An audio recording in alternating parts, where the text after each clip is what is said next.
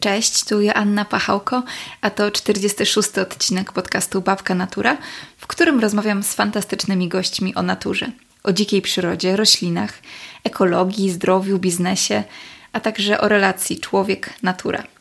A dziś będzie o zmianie. Moją gościnią jest Julia Wizowska, którą dotychczas mogliście kojarzyć jako babkę od śmieci. Julia prowadziła bloga na Nowo Śmieci, jest autorką książki Nie Śmieci o realiach recyklingu w Polsce, którą miałam zresztą dużą przyjemność ostatnio przeczytać. Ale w grudniu tego roku, a właściwie już od ponad dwóch, trzech lat, w jej życiu pojawiało się miejsce na coś zupełnie nowego. I dlatego dziś w moim podcaście mam przyjemność rozmawiać z Julką o tym, co teraz jest najbliższe jej sercu o naturoterapii i słowiańskości. Julia odczarowuje magię roślin i zachęca do zapuszczania korzeni w naturze. Organizuje warsztaty, mówi o naszych rodzimych ziołach, kadzidłach, studiach z naturoterapii i o słowiańskiej gimnastyce. Ale dla mnie ta rozmowa jest także o podążaniu własną ścieżką, o słuchaniu głosu serca i stawianiu czoła zmianom, kiedy nie da się już nie zauważyć tego, jak bardzo nas wołają. Julka, bardzo dziękuję Ci za tę rozmowę, a Was zapraszam na wspólną godzinę z nami.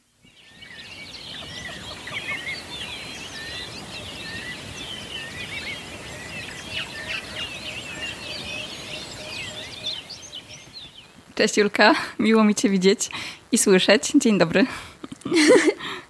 Cześć Asiu. Cześć, cześć. Śmiejemy się, bo mamy pewne e, przygody techniczne, ale mam nadzieję, że uda nam się, uda nam się szczęśliwie, e, szczęśliwie porozmawiać. Bardzo się cieszę, że Cię widzę. E, cieszę się, że nagrywamy i że znalazłaś czas w tym swoim zabieganym teraz życiu na to, żeby porozmawiać. A ja Ci bardzo dziękuję za zaproszenie, bo to jest pierwszy wywiad, którego udzielam na tematy nieśmieciowe. Pierwszy wywiad, odkąd postanowiłam zmienić po raz kolejny swoją, swoje zajęcia, swoją ścieżkę zawodową, bo do tej pory to właśnie głównie na tematy śmieciowe się wypowiadałam. A to jest pierwszy wywiad, kiedy, kiedy nie.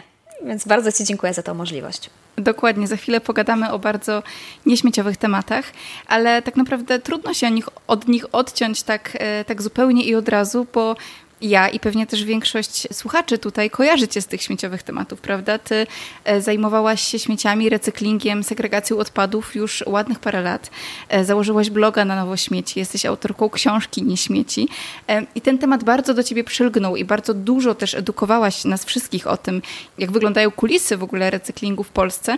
Powiedz, co się wydarzyło, że zdecydowałaś się jednak zupełnie zmienić tę ścieżkę i pójść w stronę takiej szeroko pojętej naturoterapii, o której dzisiaj będziemy rozmawiać? Rozmawiać?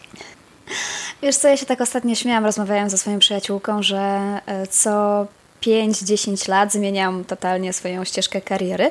Ja tak wywróca, wywracam świat do góry nogami e, swój.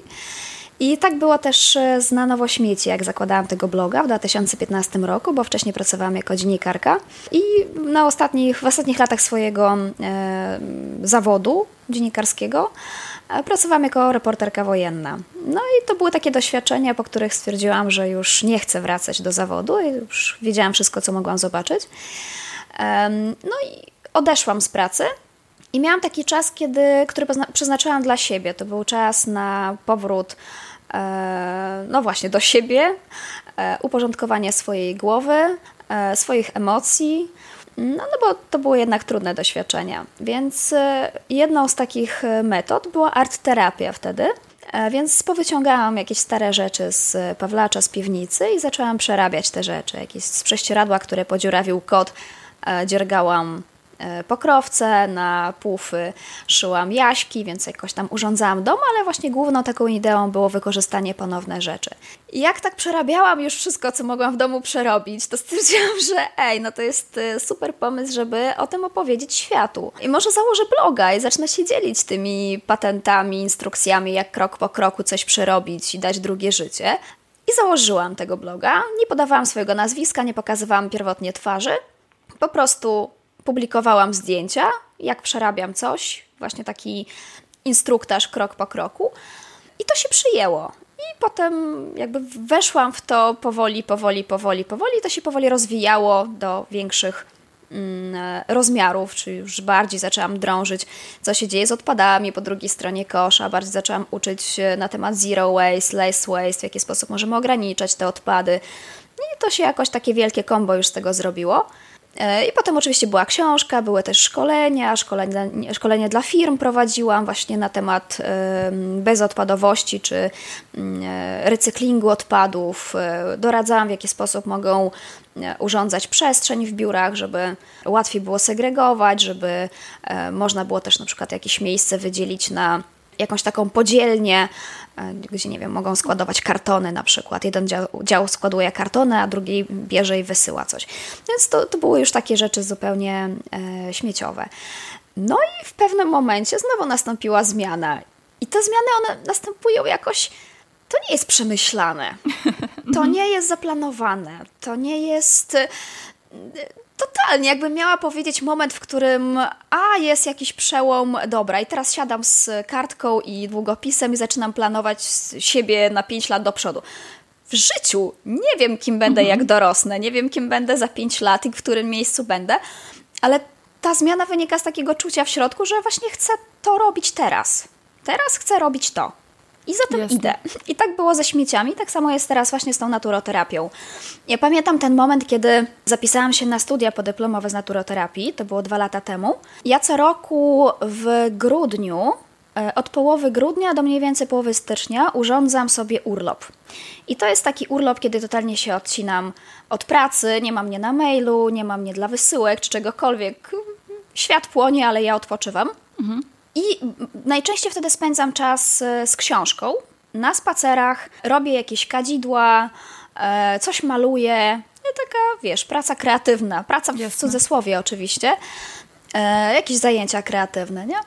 I pamiętam, że wtedy leżałam sobie na kanapie, czytałam jakąś taką słowiańską baśń i tak sobie myślałam, ej, naturoterapia, gdzieś mi to obiło się o uszy, może są jakieś studia takie, to bym chętnie zrobiła takie coś. Mhm. Sięgnęłam po telefon i zaczęłam szukać. I faktycznie trafiłam na informację, że w Poznaniu akurat ruszyły studia podyplomowe z naturoterapii. To był grudzień, a studia ruszyły dosłownie dwa tygodnie wcześniej. I w sensie odbył się już jeden zjazd, i następny zjazd był w styczniu. Ja się zastanawiałam, nie wiem, 5 minut. Napisałam do nich, że wchodzę w to zapoznałam się z programem, zapoznałam się, co tam będzie na tych studiach i mówię, wow, dobra, to przemawia do mnie. Wchodzę w to.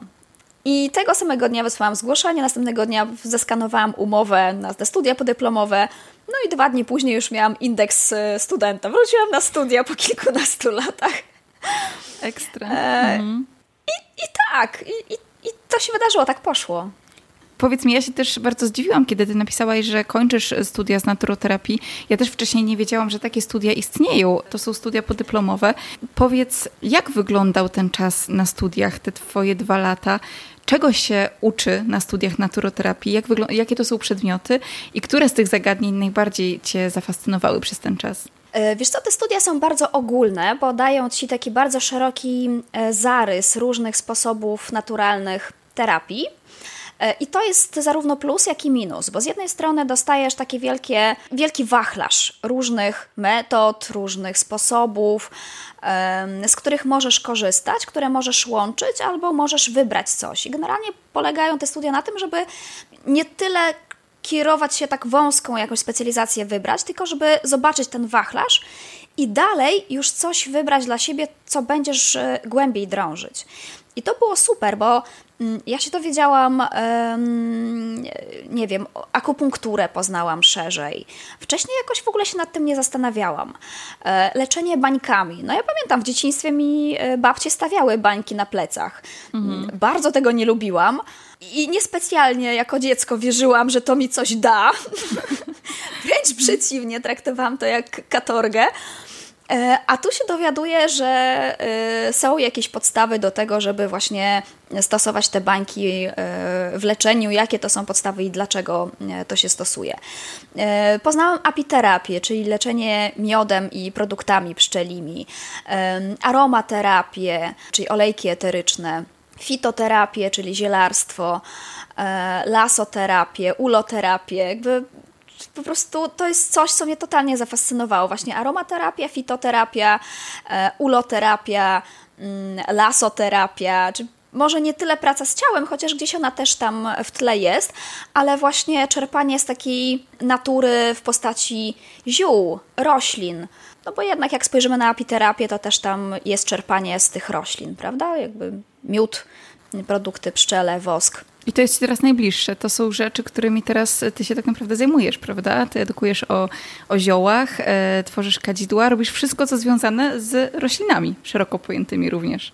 Mm, tak, no właśnie dzięki temu, że poznałam na studiach e, te zagadnienia, tak trochę liznęłam. Później zaczęłam już e, iść w tym konkretnym kierunku e, i robić kolejne szkolenia, warsztaty, uczestniczyć w kursach, które przybliżały już konkretnie te zagadnienia, czyli aromaterapię, zielarstwo, trochę apiterapii, no więc gdzieś tam to łączyłam w tą swoją to swoje kombo, w ten swój woreczek. Dokładałam sobie do tego swojego woreczka tą wiedzę. Ale właśnie studia dały taką Mm, studia dały taką, wiesz, trampolinę trochę, a potem to już e, poszłam kolejnymi e, kursami, ścieżką swoją. W którym momencie poczułaś, że jesteś gotowa na to, żeby się już tą wiedzą dzielić i żeby przekazywać ją tak z pozycji osoby, która też wie, co mówi o tych ziołach na przykład? Czy to był jakiś taki moment przełomowy, czy to czułaś to już na studiach, a może jeszcze wcześniej? Jak to wyglądało? Mm, wiesz co, pierwszy taki moment, jak teraz sobie o tym myślę, to był czas, kiedy ja się zmagałam z alergią ziewną. To był jeszcze chyba 2019 rok. E, miałyśmy wtedy pracownię w Warszawie, taką warsztatownię swoją, ja z trzema koleżankami i przeprowadzałyśmy tam warsztaty, ja upcyclingowe, zero waste'owe, a dziewczyny warsztaty kosmetyczne, Mm, czy z gotowania, z chwastów, też gdzieś takie przyrodnicze tematy. No i pamiętam, że któregoś razu właśnie przychodzę do pracowni, dziewczyny były w środku, ja cała taka zakichana, zasmarkana, mówię, mhm. Jezu, po prostu nie mogę, już mi zatoki pękają totalnie. A co się dzieje? Mówię, no od maja do września, co roku, trzeci rok z rzędu. Nie wiem dlaczego mi się tak nagle pojawiła ta alergia, ale trzeci rok z rzędu mam tak, że po prostu y, przez te kilka miesięcy reaguję alergicznie na jakieś pyłki. No dobra, to napij się na włoci. Ja mówię, na włoci? Okej. Okay. Na włoci. Dobra, gdzie ja to dostanę? Co to jest? Gdzie to dostanę? W jakim, co ja mam pić? No i dziewczyny mi wyjaśniły właśnie, jak przyrządzać napary, co z tym robić. I to był pierwszy moment, kiedy uwierzyłam w leczniczą moc roślin, bo sprawdziłam na sobie. Czyli to, z czym się zmagałam 3 lata. Niby się wydaje, że to jest niewiele, no bo jakby ludzie się zmagają z czymś przez całe życie. Ale to mi przyniosło taką ulgę. Faktycznie piłam przez dwa tygodnie ten napar z nawłoci i własnym oczom nie wierzyłam, że coś takiego w ogóle jest możliwe. Przecież to są tylko zioła, to nie są jakieś e, ciężkie leki. Przy czym, przy czym e, przyjmowałam e, leki na alergię i one sprawiały, że czułam się jeszcze gorzej. Bolał mnie, bolała mnie głowa, bolały mnie zatoki, czułam się otumaniona, senna, bez energii, a tutaj zero efektów ubocznych, przynajmniej w moim przypadku tak było, a dodatkowo zyskałam to, że miałam e, swobodę oddychania w końcu, latem, wow! I to był taki moment, kiedy e, ja na swoich kanałach społecznościowych podzieliłam się tą informacją, że no niesamowite, jest taki napar, który czyni cuda, więc jak coś, to e, zapoznajcie się. I potem po jakimś czasie wróciłam do tego, bo rzeczywiście zaczęłam drążyć temat roślin i tego, co one w sobie takiego mają, że poprawiają nam komfort życia. I jak odkrywałam jakąś mieszankę, to się nią dzieliłam że o, jest taka i taka roślina i ona jest na to, na to i na to. A potem to się przerodziło w taki codzienny cykl, że robiłam napary dla siebie. Już byłam wtedy na studiach i za każdym razem właśnie robiłam zdjęcie swojego kubka z informacją, że dzisiaj w kubku mam to, to i to i to, to działa na to, na to i na to. I tak wrzucałam. I kiedyś był taki moment, że codziennie, naprawdę codziennie rano wstawałam i yy, za każdym razem wrzucałam, co, co piję w kubku. I tym zaczęłam się dzielić, ale zupełnie jeszcze nie miałam takiej mm, opcji w głowie, żeby zrezygnować z, na nowo śmieci, że, że to w pewnym momencie odejdzie w odstawkę. Tylko to było takie, okej, okay, dobra, no dzielę się swoim życiem. No, ludzie różne rzeczy wrzucają do swoich mediów społecznościowych, a ja pokazuję, że można korzystać z mocy roślin. Natomiast takim rzeczywiście momentem przełomowym była moja publikacja E, w której rzeczywiście tak odcięłam się już grubą, grubą kreską od na nowo śmieci i powiedziałam, że e, no dobra, to było dla mnie bardzo męczące, zwłaszcza w ostatnim czasie było wyczerpujące. Już w sumie zrobiłam wszystko, co mogłam zrobić w temacie odpadów. Mm, więc dziękuję bardzo temu tematowi i idę dalej. Od dzisiaj jestem wiedźmą. I nie uwierzysz, ja poczułam taką ogromną ulgę, że, że to wybrzmiało, że to powiedziałam, że tym się podzieliłam. Bo czułam taki ogromny ciężar e, zobowiązań, że skoro ludzie mnie właśnie kojarzą ze śmieciami, e, nazywają mnie babką od śmieci, to muszę być w tych śmieciach. A one mnie strasznie ciążyły już w pewnym momencie. A jednak jeszcze bardziej ciążył, ciążyła ta odpowiedzialność za to, że no, no przecież ludzie mnie pytają, a gdzie wyrzucić? To jak mogę ich zostawić? No i to był długi proces, żeby e, postawić jednak w tym wszystkim na siebie i powiedzieć: OK, to był dobry czas. E, dużo dałam na pewno tym, którym udzieliłam takich odpowiedzi, gdzie wyrzucać, jak wyrzucać, jak postępować. E, ale teraz czas postawić na siebie, pójść dalej. Mam wrażenie, że też takim elementem tego Twojego manifestu były słowa, które wypowiedziałaś, napisałaś w pewnym momencie w swoich mediach społecznościowych, że nie zadbamy o środowisko, zanim nie zadbamy o siebie. Gdzieś to mocno do mnie trafiło i chciałabym Cię o te słowa podpytać, bo to było tak, że przy tych śmieciach rzeczywiście skupialiśmy się bardzo na środowisku i, i na tym, jak temu środowisku pomóc. Teraz Ty mówisz, że najpierw pomyślmy też o sobie, zadbajmy o siebie, o swój dobrostan. Co to dla Ciebie znaczy? Czym są dla Ciebie te słowa? Wiesz co, z tym się też wiąże ciekawa historia, e, bo e, któregoś dnia w wakacje, to były te wakacje, były takie dni strasznie upalne, na maksa upalne. I dostałam wiadomość od e, czytelniczki, która z taką dużą dumą z tego, co zrobiła, napisała mi, że jechała pociągiem, jakaś tam relacja strasznie długa, nie wiem, Kraków, Gdańsk, jakby przez całą Polskę, i odmówiła sobie kupienia butelki z wodą na czas podróży, bo ta woda była e, w plastikowej butelce. I ona do mnie napisała, żeby się pochwalić tym, że właśnie ocaliła e, środowisko nie kupując tej butelki. A ja powiem ci, że po lekturze tego maila byłam przerażona, bo dla mnie to było takie, wiesz, no dobra, to jest jedna butelka, ale ryzykowałaś tak naprawdę swoim życiem, dziewczyno. Przymierzając całą Polskę w 40-stopniowym upale, nie wiadomo, czy ten pociąg by się nie zatrzymał zaraz gdzieś w krzakach i nie stałby przez 12 godzin, bo tak. I dla mnie to było przerażające, że w którym momencie kończy się ta troska o środowisko, mm, albo inaczej, gdzie przestajemy myśleć już o sobie, troszcząc się o to środowisko. Ile w, jesteśmy w stanie poświęcić dlatego, żeby ocalić tą jedną butelkę plastikową? I jak bardzo zapominamy o sobie, właśnie ograniczając takie taki, taki minimum tak naprawdę robiąc dla środowiska, nie? Bo ja też zachęcałam do tego, że tak, no eliminujmy te odpady, korzystajmy z wielorazowych rozwiązań, y, gdzie możemy, nie kupujmy butelki plastikowej i tak dalej, i tak dalej.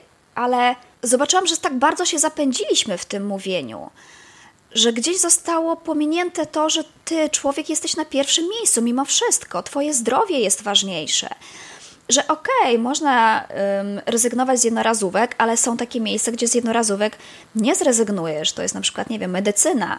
I tak mhm. samo w tym przypadku to jest kwestia zdrowia, to jest zachowania, kwestia zachowania swojego dobrostanu. Gdyby była inna opcja zapewnienia sobie wody, okej, okay, ale całkowita rezygnacja zrobiła na mnie tak ogromne wrażenie, że ja się zatrzymałam i zaczęłam się zastanawiać właśnie, jak bardzo się zapędziliśmy w tym mówieniu o mm, ocaleniu środowiska, zapominając jednocześnie o tym, że jeżeli my nie zadbamy o siebie, no to, to, to środowisko też nie zostanie zadbane. To tak jak w samolocie. Najpierw zakładasz maskę sobie, a dopiero potem dziecku. Bo jak sobie nie założysz, to nikt nie zadba o to dziecko. Najpierw należy zadbać o siebie. I właśnie gdzieś ta myśl zaczęła we mnie kiełkować od e, tych wakacji, mm, że okej, okay, dbanie o środowisko w porządku, ale najpierw zadbajmy o siebie. I ja też dotarłam do takiego posta, w którym pisałaś, że takie życie w zgodzie z naturą jest też jedną z takich naturalnych potrzeb człowieka. Bo ty mimo wszystko cały czas w tej naturze jesteś i, i ty zajmujesz się takimi bardzo naturalnymi metodami. Powiedz w takim razie, jak y, wygląda Twój dzień, Twój taki codzienny mm, czas, kiedy Ty żyjesz blisko tej natury, bo to też nie jest tak, że Ty się oderwałaś zupełnie od tego wszystkiego, co robiłaś, bo mm, tak jak mówisz, to nie jest tak, że teraz e, tworzysz mnóstwo odpadów i zupełnie nie przejmujesz się e, losem tego, co się dzieje z naszą planetą, tylko raczej mm, starasz się gdzieś to zbalansować. I powiedz, jak wygląda takie życie blisko natury osoby, która jednak mieszka w mieście, prawda? Ty, e, to też nie jest pewnie tak, że ty codziennie biegasz sobie po łąkach. Ja zawsze też, kiedy mam okazję się wypowiedzieć, mówię o tym, że mimo, że ja mieszkam blisko lasu, to też nie jest tak, że ja codziennie rano wstaję o siódmej i napawam się wschodzącym słońcem. Po prostu nie mam na to przestrzeni, nie mam możliwości. Może pewnie bym chciała, ale, ale po prostu Instagram, media społecznościowe czasami kreują takie życie, które nie jest y, prawdziwe i nie jest realne. To co ty robisz, żeby po prostu być blisko tej natury i żeby wspierać siebie i wspierać tą naturę jednocześnie? E, wiesz co, mój idealny dzień wygląda w taki sposób, że rano sobie wstaję, nieśpiesznie piję kawkę, e, wypełniam dziennik wieloletni, to jest taka, taki notes z, wyliczony na 5 lat i na, na każdej stronie jest jedno pytanie i uzupełniasz rok po roku odpowiadając na to samo pytanie. I tak dzień po dniu mm, e, przywijasz mhm. kartki. I to fajnie też pokazuje, jak się zmieniasz na przestrzeni tych lat. Potem robię sobie gimnastykę słowiańską, następnie coś tam popracuję, zjem obiad, po obiedzie, po obiedzie trochę popracuję i idę sobie na spacer do lasu. Czasem mi się udaje wdrożyć ten idealny dzień w życie, ale no nie, no jakby nie oszukujmy się, że, e, że zawsze tak jest. Absolutnie, absolutnie nie. Ja mieszkam w Warszawie i przez ostatnie lata mieszkałam na obrzeżach Warszawy. Tam rzeczywiście były, mm, było bardzo dużo lasów, był obszar Natury 2000, Wisła, więc jakby wychodzę i jestem w lesie. E, I faktycznie częściej uskuteczniałam to chodzenie po lesie i hasanie po łąkach, zbieranie ziół. W tym momencie mieszkam prawie w centrum i mam obok siebie las, szumnie nazwany lasem, bo to jest raczej taki lasek miejski, do którego też czasem chodzę, lubię tam chodzić, zwłaszcza hmm, las jest podzielony na dwie części. Pierwsza część jest taka bardziej ucywilizowana. Są ścieżki, są kosze, są ławeczki, są takie miejsca do ćwiczeń, mm, specjalnie przygotowane z budżetu partycypacyjnego, więc tak bardzo ucywilizowanie. A za torami, bo tam jest taka kolejka podmiejska, za torami są totalne chszuny. I mhm. jak gdy tylko mogę, to przybdzieram się przez ten park e, i e, wskakuję sobie w te krzuny. Tam nie ma alejek, tam nie ma ścieżek, tam jest po prostu jeden wielki krzew wszystkiego spleciony. I nie powiem, że codziennie chodzę do lasu, bo nie. Ale staram się to robić parę razy w tygodniu, bo czuję, że jeżeli tego nie robię, to zaczynam być bardziej zestresowana, napięta, szybciej irytują mnie różne rzeczy, e, drobnostki zupełne, które kiedy jestem wypoczęta, dotleniona, wyspacerowana, nie zwracam wtedy na nie uwagi. Natomiast właśnie kiedy nie mam już tego kontaktu z naturą, nie mam czasu na, na przejście się po tym lesie, nawet las jest tylko takim, taką metaforą trochę, bo podczas spaceru po tym lesie to raczej jest kwestia medytacji, bo ja tam jestem obecna w tym lesie. Nie, nie zakładam słuchawek, nie słucham muzyki, tylko po prostu jestem obecna w tym lesie. I to jest taki moment właśnie powrotu do siebie, który potem pomaga funkcjonować w e, kolejnych dniach e, tygodnia. Więc kiedy tego nie mam, czuję zdecydowanie, e, że mi się pogarsza po prostu dobrostan, więc staram się uskuteczniać raz na parę dni taki spacer po lesie. Odkrywam przy okazji jakieś nowe miejsca, nowe krzaki. No zawsze takie, mówię, o, czarny bez, można pozbierać. Ale widziałam też, że wróciłaś do picia ziół, prawda? Regularnie, co, co poranek. E, starasz się też pokazywać, co pijesz, co masz w swoim kubku. E, I to jest tak, że właśnie ty te zioła zbierasz, czy też je zamawiasz? Jak to wygląda? E, różnie. I tak, i tak. Część ziół zamawiam, część ziół zbieram. Niestety nie jestem w stanie zebrać wszystkich ziół, bo no, po pierwsze musiałabym wyjechać daleko poza miasto, żeby raz odciąć się od spalin i zebrać z jak najczystszych stanowisk, e, a dwa, że bioróżnorodność tutaj na miejscu nie jest aż taka wielka, więc mogę pozbierać część ziół, natomiast na pewno nie, nie wszystko. E, ja też miałam poprzednio duży balkon, więc sporo mm, ziółek uprawiałam sobie na balkonie, na przykład lawendę. Uwielbiam lawendę i miałam krzaki po prostu stojące na balkonie. E, teraz mam dużo mniejszy balkon, więc e, zakładam, że może być ciężko z uprawą lawendy na tym balkonie w przyszłym roku, więc kwestia chyba dostosowania się do miejsca, ale część faktycznie zbieram. Nawłoć zbieram. Nawłoci jest bardzo dużo, e, Nawłoć jest dostępna bardzo, bardzo, bardzo szeroko, więc tym akurat nie mam absolutnie żadnego problemu, żeby e, zebrać. Zwłaszcza, że to jest gatunek inwazyjny, więc e, nawet jak się go trochę zetnie, trochę bardzo zetnie, to ty, tym lepiej się zrobi też dla środowiska. Z wrotyczem też nie mam problemu, chociaż akurat wrotyczów mm, używam do e, zewnętrznych celów, e, do kremów, mazideł. To jest w ogóle wrotyczowa maść na mm, blizny jest bardzo fajna. Także przy okazji polecam. Też sprawdzona okay. na sobie. Okej. Okay. Rzeczywiście na Włoci jest mnóstwo i, i, widać, że ona się bardzo rozprzestrzenia, także potwierdzam, na Włoci jest w każdym możliwym miejscu chyba już teraz. Jeszcze zahaczę na chwilę o tą naturoterapię, bo teraz mi to przyszło do głowy. Czy osoby, które były z tobą na studiach, to właśnie były osoby raczej z takich dużych miast, które szukały takiego ukojenia w naturze, mm, właśnie oddalając się trochę od tych miast? Czy to były osoby takie bardzo, bardzo zanurzone głęboko w naturze, gdzieś mieszkające na przedmieściach, posiadające duże ogrody? Czy to był zupełny miszmasz? Kto idzie w ogóle na studia takie związane z naturoterapią? Wiesz co, totalny miszmasz, totalny. Były dziewczyny, które mm, miały firmę um, związaną z fitnessem, z ćwiczeniami i one na przykład chciały poszerzyć swoją wiedzę na temat diety i diety i suplementacji, bo bardzo chciały na przykład sprzedawać e, w swoich miejscach, właśnie w swoich fitnessach, fitness klubach, e, sprzedawać suplementy diety albo doradzać swoim klientom, po jakie suplementy diety mogą sięgnąć. A w związku z tym, że na studiach była też dietetyka i to przez cały semestr było wałkowanie mm, e, i suplementów, i synergii pomiędzy różnymi substancjami w lekach, w roślinach, w żywności, Mm, Dlatego było bardzo dużo, był cały egzamin z e, synergii tych substancji.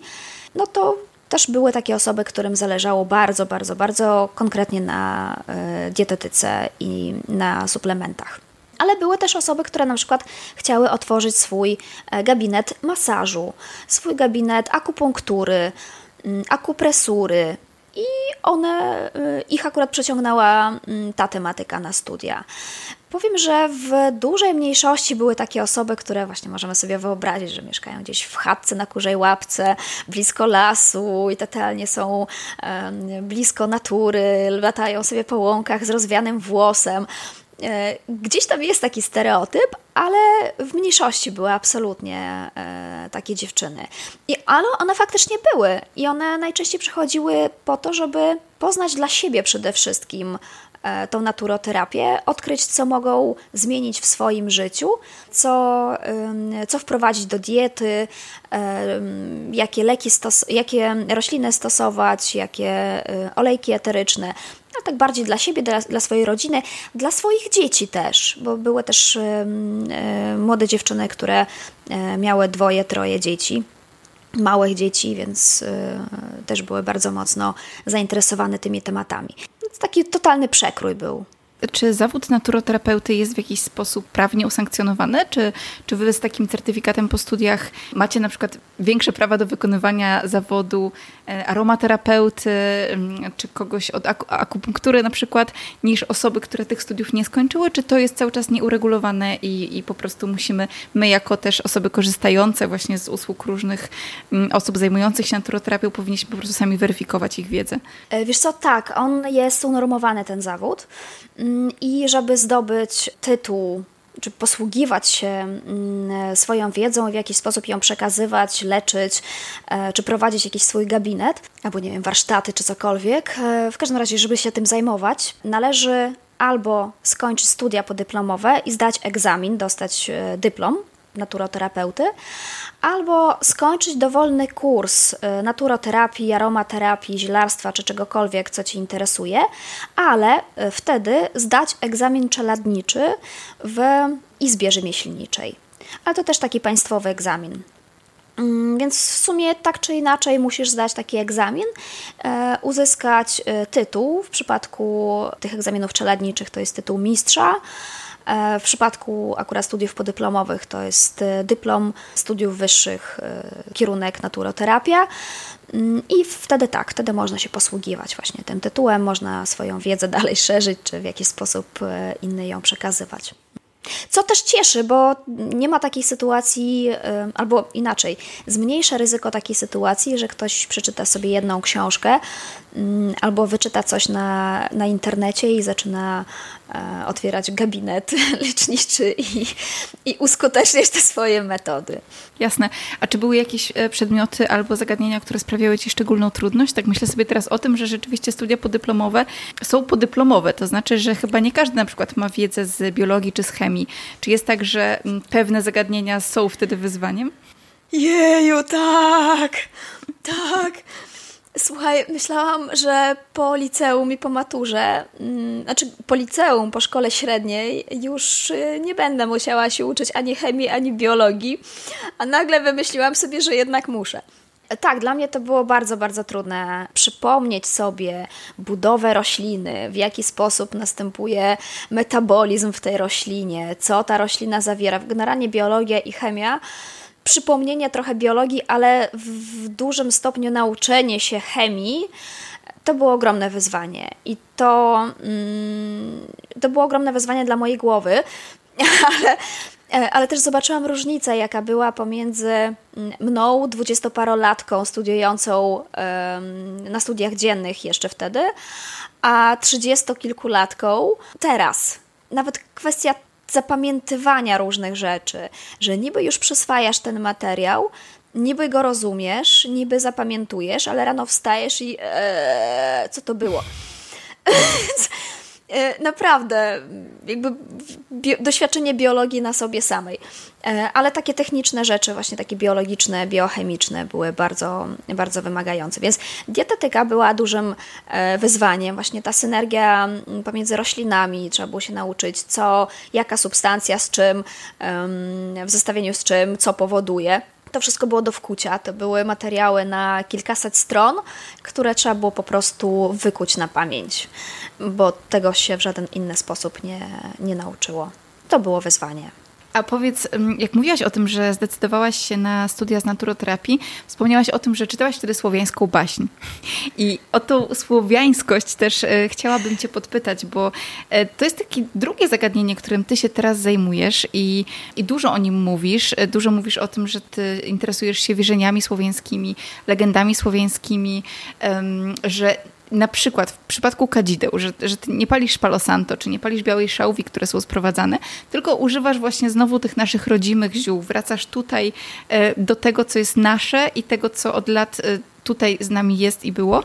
Powiedz, co ci daje ten powrót do takich słowiańskich korzeni? Dlaczego właśnie taką ścieżkę wybrałaś i, jak, ty, jak ty się z tym masz?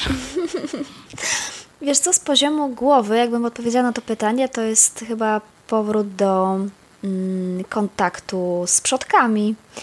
Jakby czuję taką moc od nich płynącą, kiedy korzystam e, z tego, w co, w co oni wierzyli, e, z czego oni też korzystali, co oni stosowali na co dzień. I czuję jakieś takie połączenie e, pomiędzy mną właśnie moimi pra, pra, pra, pra dziadkami, babciami. A gdybym miała powiedzieć o takich uczuciach z ciała, to jest ciepło. Jak korzystam e, z kadzideł albo robię kadzidło, to jest mi tak przyjemnie, jest mi tak ciepło. Więc to jest, to jest chyba to, po prostu. Idę, idę za tym właśnie takim uczuciem um, takiego dobra płynącego. Korzystałam wcześniej z Palo Santo i z białej szałwi, jakby znam, mm, znam e, te zioła, te, te rośliny, no chyba każdy przechodzi przez ten e, etap e, fascynacji zapachem Palo Santo czy białej szałwi, ale korzystając z nich, okej, okay, czułam, że jest w nich moc, ale czułam jednak jakąś taką obcość, że jest w nich moc, ale to nie jest, to nie jest swojska moc. Czegoś mi tam w nich brakowało. Natomiast kiedy odpalam nasze kadzidła, one może y, nie pachną aż tak, nie mają aż takiego bogatego aromatu, bukietu i tak dalej, y, nie są charakterystyczne, tak jak y, czy Palo Santo, czy Białoszałwia. No, nie wiem, no czy może pa pachnieć piołun? No palonym piołunem. Czarcie żebro tak samo, palona trawa. Ale jest w tym coś takiego, jakiś taki zew przodków. Nawet nie jestem w stanie tego opisać tak bardzo racjonalnie. To się po prostu czuje. Czuję, że to jest, że to jest moje, że to jest swojskie, że jest w tym jakaś taka cząstka e, moich przodków, e, cząstka mnie również. Jasne. E, mówiłaś piołun, mówiłaś czarcie ziele? Dobrze usłyszałam? Żebro. Czar, czarcie, czarcie żebro. żebro. To są rośliny, z których robisz kadzidła, czy coś jeszcze? Z czego jeszcze my możemy tutaj lokalnie robić takie kadzidła? O, kochana! E, piołun, czarcie żebra to są akurat właśnie takie rośliny, mm, które zastępują e, palo santo i białą szałwię, jeżeli chcemy korzystać z e, rodzimych ziół.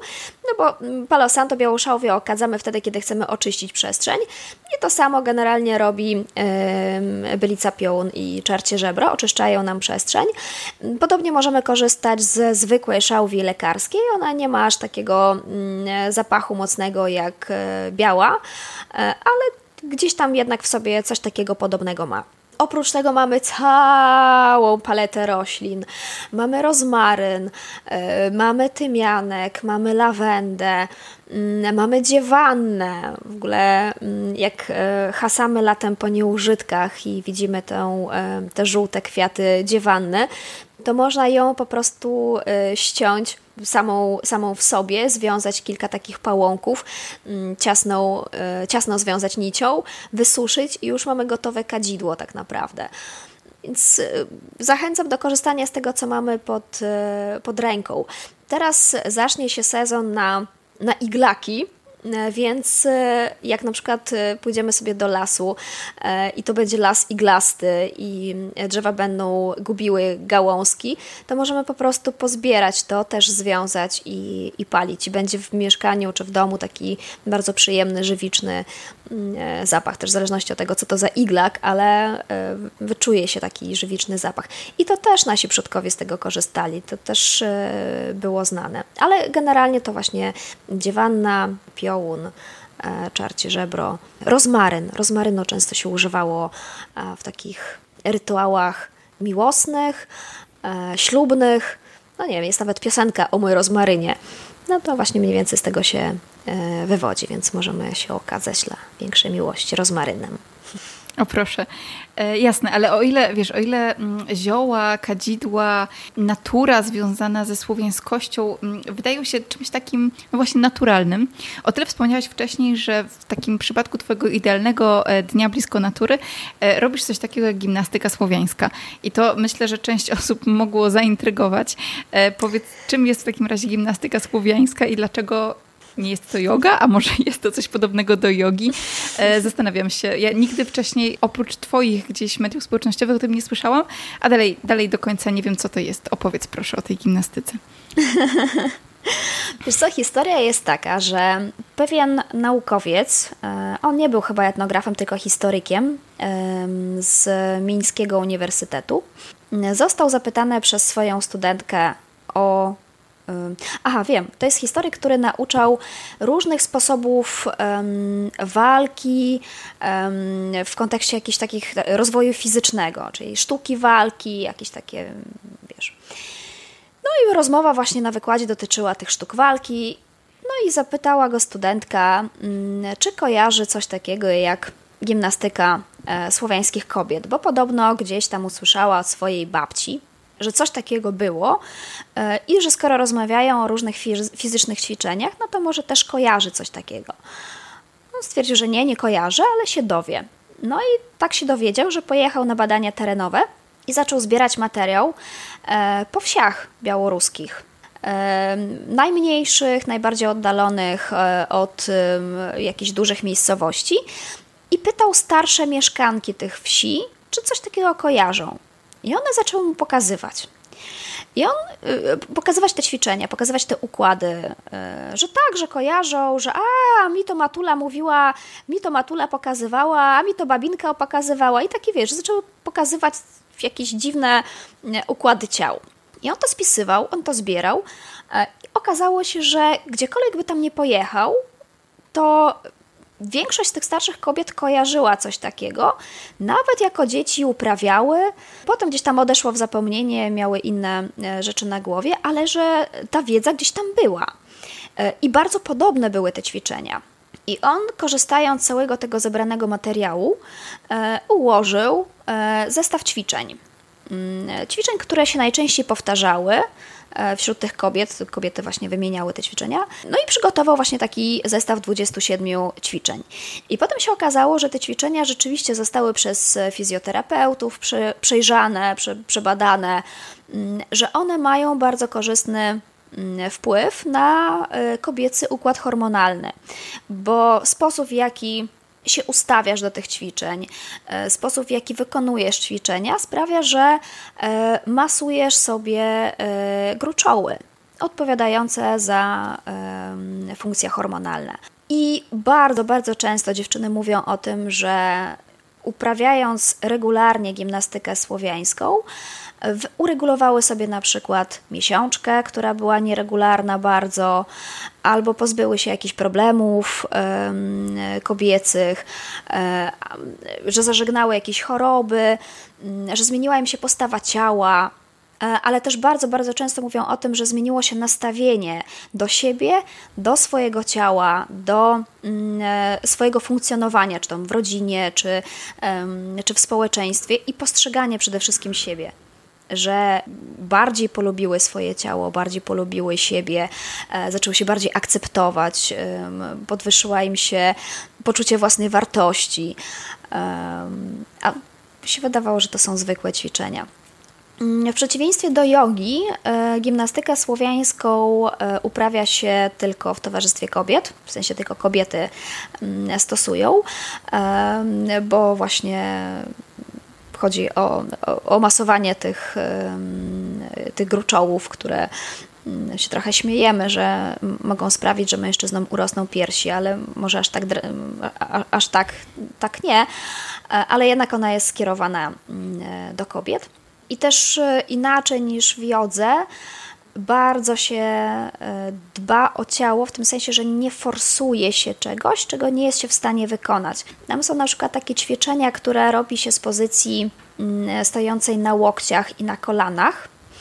E, I wtedy trzeba zrobić kilka rzeczy, jednocześnie rękę podnieść, odstawić nogę w bok, wygiąć ciało i tak dalej. Jakby kombinacja wszystkich tych ruchów jednocześnie jest bardzo trudna do wykonania dla kogoś, kto dopiero zaczął ćwiczyć. Więc mówi się, że ok, jeżeli nie jesteś w stanie odstawić teraz nogi w bok, też w konkretną tam pozycję, to pomyśl o tym, że to robisz. Pomyślisz sobie tak raz, drugi, trzeci, e, zostanie to w Twojej głowie, a za piątym razem wykona również ciało. Za głową podąży także ciało. E, więc nie forsuj swojego ciała teraz, jeżeli nie możesz tego zrobić, no, tylko daj sobie czas i zrób to w najlepszym możliwym dla ciebie momencie. To też mnie bardzo przekonało, że to nie jest e, coś wyczynowego, że to nie jest, nie ma tam żadnej rywalizacji, ile zrobisz, nie, nie rywalizujesz ani z nikim innym, ani ze sobą samym, że dzisiaj będę lepszą wersją siebie. Nie, jesteś taką wersją, jaką jesteś i, i to jest ok.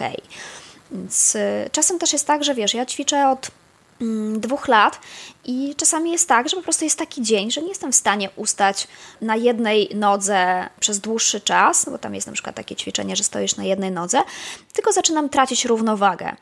I to też jest ok, żeby na przykład podejść do ściany i drugą nogę po prostu oprzeć o tą ścianę.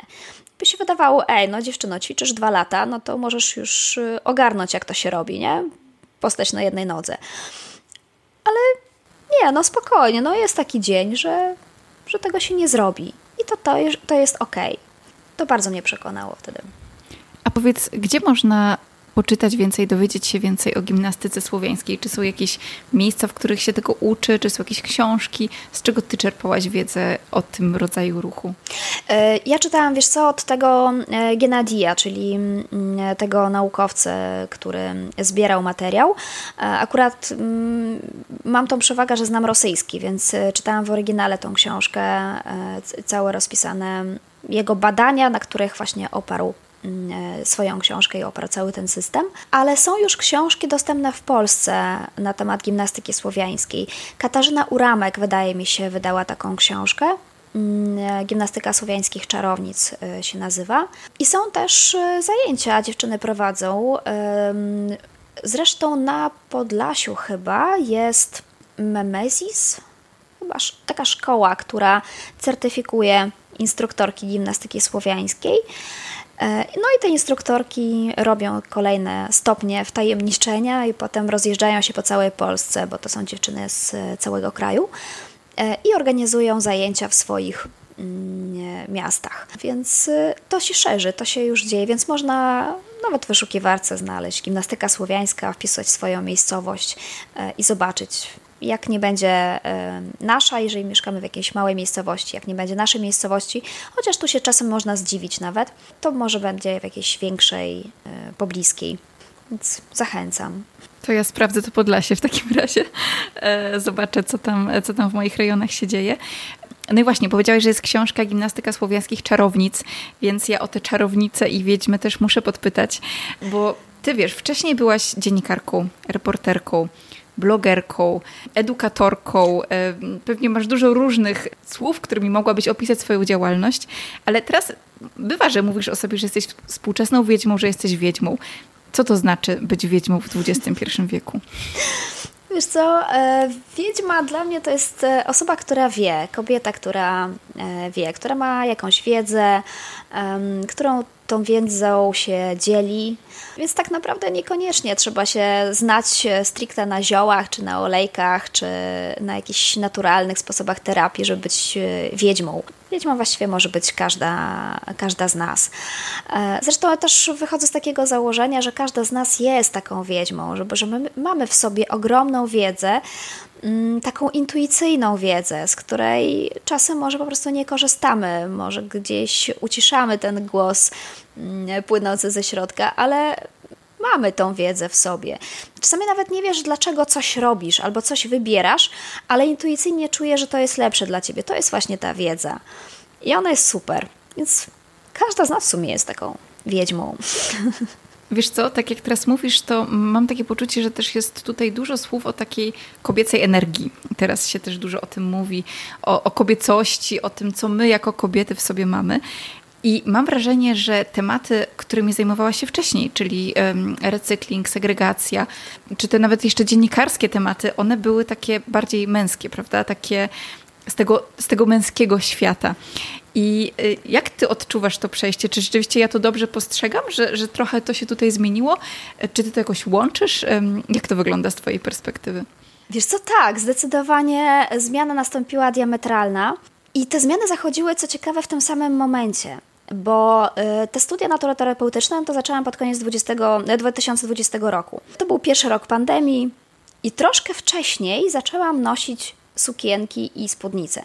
W życiu do tej pory nie chodziłam w żadnych sukienkach, żadnych spódnicach. Mm, odkąd pamiętam, od dziecka chodziłam w spodniach, jeansach, swetrach rozciągniętych w koszulach, czyli też tak bardzo męsko się ubierałam. Natomiast jak przyszła pandemia, mm, był pierwszy lockdown, e, to ja z tego e, stresu i z tego siedzenia w domu, bo nawet nie było jak wyjść z domu, bo rzeczywiście policja na przykład patrolowała e, ulicę pod moim e, domem i za bardzo nie dało się ruszyć, nawet do tego lasu pójść. I od tego siedzenia w domu e, przytyłam. Przytyłam i nie byłam w stanie się zmieścić do swoich jeansów. Mm, więc stwierdziłam, okej, okay, dobra, no to kupię rozmiar większy. E, kupiłam rozmiar większy i się okazało, że lockdown się przeciągnął. Przyszła, przyszła druga fala, trzecia fala. E, a mi z tymi falami rósł tyłek. I już kolejne spodnie o rozmiar większy nie byłam w stanie się wcisnąć. I stwierdziłam, no dobra, czujesz opór, przestań drążyć, więc e, kupiłam sobie spódnicę z taką gumką tutaj z przodu, żeby było mm, jak się zmieścić. Mm, z gumką na, na górze i dosyć taką szeroką. Nie zaczęłam chodzić w tej spódnicy. I tak mi się spodobało, że to już zostało. Ja w tym momencie nie mam żadnych spodni w, e, w szafie. Jedyne moje leginsy tak naprawdę są do wspinaczki. A, a poza tym nie mam absolutnie żadnych spodni. Mam same spódnice i y, sukienki. I co zauważyłam? Zauważyłam, że ja się zmieniłam nosząc zupełnie inne ubrania, nosząc sukienki i spódnice.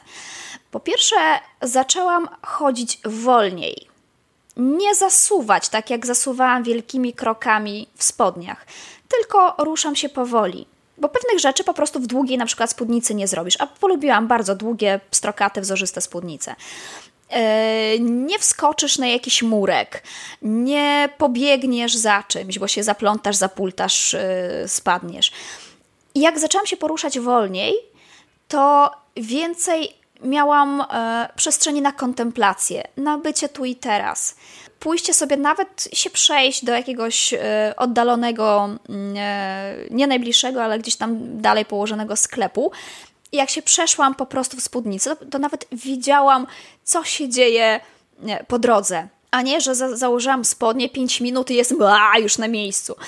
Tylko powoli, kontemplując nawet ten spacer do sklepu. E, zmieniła się moja postawa, sposób w jaki siedzę, w jaki stoję. Mm, I, te zmiany mi się bardzo spodobały, bo um, już nie wiem, nie, nie, nie garbię się tak, jak kiedyś się garbiłam w tych koszulach, swetrach rozciągniętych. Z dumą prezentuję, co mam do zaprezentowania. I, i bardzo mi się to podoba, więc zauważyłam też takie zmiany w swoim, w swoim życiu. E, i to były takie zmiany właśnie wchodzące w taką e, kobiecą energię, w taką lekkość, w takie bycie tu i teraz, nie gonienie za realizacją celów, tylko właśnie bycie. Bo ja kiedyś bardzo, bardzo, bardzo byłam w działaniu. Ja po prostu byłam jedną wielką tabelką w Excelu e, z odhaczaniem punktów, które zostały zrobione. W tym momencie, jeżeli mam coś y, zrobić, a pójść na przykład na spacer, jeżeli to nie jest jakaś e, ważna rzecz, którą no, no muszę zrobić, bo inaczej coś tam się strasznego stanie, to ja wolę pobyć tu i teraz. Wolę um, powoli wkroczyć w ten dzień, a nie z, jak wcześniej z żarem po prostu w nogach. A, trzeba robić, robić, robić, robić, robić. To jest też kwestia tego, że nauczyłam się odpoczywać. Kiedyś też miałam takie przekonanie, że jak nie robię, to nie istnieje, że muszę działać, cały czas muszę działać. Skończyłam pracę, to muszę sprzątać. Skończyłam sprzątanie, to muszę jeszcze coś tam zrobić. I tu, i tu muszę, i tam muszę. I to był cały czas takie, taki ruch aktywności. A potem nauczyłam się odpoczywać i czerpać satysfakcję z tego, że mogę po prostu poleżeć sobie na y, kanapie, czy po prostu posiedzieć, nie wiem, i nie robić kompletnie nic. I to jest tak fantastyczne uczucie. Ostatnio się śmiałam, ostatnio się śmiałam z tego, że y, jest wieczór, y, mój partner wchodzi z balkonu, patrzy na mnie i mówi, co się stało? A wie, co się stało? Gapisz się w ścianę. Ja wie, no. I co, o, czym, o czym myślisz? Ja wie, o niczym, po prostu patrzę. Jezus Maria doktorów! I prostu zaczęliśmy się tak śmiać. Mówię, słuchaj, ale to jest naprawdę przyjemne. Spróbuj kiedyś tak po prostu nic nie robić, tak po prostu pogapić się w ścianę. Tak, tak z niczym, bez żadnego celu. To jest takie oczyszczające, takie cudowne. Tak schodzi stres od razu. Polecam. Żanet Kaleta. Jasne. Dużo mówisz o tej zmianie i o tym, mm, jaka, jaką transformację przeszłaś na przestrzeni tych lat. Powiedz w takim razie, już tak zmierzając powoli do końca, bardzo mnie to ciekawiło, co na to twoi bliscy, co na to osoby z twojego otoczenia, ale też osoby, które cię na przykład obserwują. Bo znowu, temat śmieci i recyklingu to jest taki temat Wydaje mi się, że zaryzykuję, powiem tutaj, że mniej kontrowersyjny niż temat naturoterapii kadzideł słowiańskości. Jednak mm, my cały czas tutaj jeszcze musimy się przekonywać, że, e, że każdy temat jest e, równie ważny, powiedzmy. Jeżeli ty zaczęłaś mówić głośno o tym, co teraz cię fascynuje, co teraz cię interesuje, jaka była reakcja twojego otoczenia? Co, moje najbliższe otoczenie już wie, że jakby płonne nadzieje. Mm, przyzwyczaiłam ich do tego, że mam, e, miałam różne pomysły w życiu, mm, w różny sposób się ubierałam. E, kiedyś pamiętam w liceum miałam taką fazę, że zakładałam tunikę na szerokie spodnie i to e, kompletnie się z niczym... A, jeszcze taki długi sweterek na to i to kompletnie się z niczym nie zgrywało, bo wszystko było w innych kolorach, deseniach, odcieniach i tak dalej. A ja uwielbiałam tak chodzić. Różne miałam kolory na głowie e, i, i, i, naprawdę już jakby moje pomysły na, na, na siebie, na, mm, na to, co będę robiła w życiu, już nikogo mm, nie zaskakują. Pierwsze zaskoczenia były duże, bo jak oświadczyłam, że a, zaczynam wyjeżdżać na wojnę czy e, w regiony konfliktów, no to było takie, e, co ty robisz, dlaczego, ale co, co zrobiliśmy źle w twoim wychowaniu. I to było zaskakujące, to było stresujące. Potem jak zaczęłam się zajmować śmieciami, to też było takie, e, ale co ty robisz? Śmieciami będziesz się teraz zajmować. To było raczej takie mm, postrzegane jako degradacja, że e, ty, reporterka, właśnie wydałaś książkę, zaraz kolejna ci się szykuje i będziesz się zajmować śmieciami? Serio? Jakby, dlaczego to sobie robisz, dziewczyno? A ja się uparłam, że tak, ja chcę to zrobić. E, potem, jak wydawałam książkę Nie śmieci, to też słyszałam takie różne głosy, że ale naprawdę ktoś będzie czytał książkę o śmieciach? A mi ta książka o śmieciach tak naprawdę uratowała życia w e, lockdownie, kiedy wszystkie mm, wydarzenia, imprezy, warsztaty, które miałam zaplanowane, zostały odwołane e, i jedyne co mogłam wtedy zrobić, to właśnie e, sprzedawać książkę, która dopiero co wtedy wyszła. I dzięki temu się utrzymałam przez ten czas. Więc potem to już nie było żadnych wątków, czy żadnych takich wątpliwości, że no dobra, ona chyba wie, co robi, więc okej, okay, niech, niech se robi miałam taki rzeczywiście e, wewnętrzny mm, stop, znak stopu, kiedy mm, myślałam o tym, czy powiedzieć e, w mediach społecznościowych i w ogóle jak z tego e, jak z tego wybrnąć, no bo właśnie ja do tej pory byłam znana jako ta racjonalna. Mm, i tak jak mówisz, temat odpadów, recyklingu jest bardziej taki osadzony w głowie, w tabelkach, dowodach, z konkretnymi cyframi, za plecami z konkretnymi danymi statystycznymi, e, że ja, która się do tej pory właśnie zajmowałam tym bardzo z głowy tematem, nagle zaczynam się zajmować jakimiś czarami, marami. I było takie... E... I parę osób mi napisało, że okej, okay, dobra, to może kiedyś tam do zobaczenia na, na ścieżce życia w innym miejscu, a w tym chyba już zaczynamy się rozchodzić. Mm, I spoko, okej, okay, Dzięki za to, że towarzyszyliśmy sobie przez e, cały ten czas do tej pory. A wiele osób mi napisało, że wręcz przeciwnie, że o, super, fajnie. I to było też takie. Miałam w tym wielką satysfakcję, ulgę z powodu tego przyjęcia, że dużo osób e, czekało na to, że ja poczułam, że nie tylko mogę być sobą w towarzystwie bliskich mi osób, które wspierają mnie, które mm, dodają mi skrzydeł i, mu, i akceptują te zmiany, które we mnie zachodzą, e, ale że też osoby, które do tej pory towarzyszyły mi w zupełnie innym temacie, takim bardzo racjonalnym, że one też mnie przyjmują i mówią: O, super, dobra, to dalej ci towarzyszymy. I poczułam takie zaufanie, że mimo tego, mm, te, tego nieracjonalnego, jakby się wydawało, tematu, to dalej jesteśmy na tej samej e, ścieżce razem. To było super. Tak, poczułam moc tego zaufania.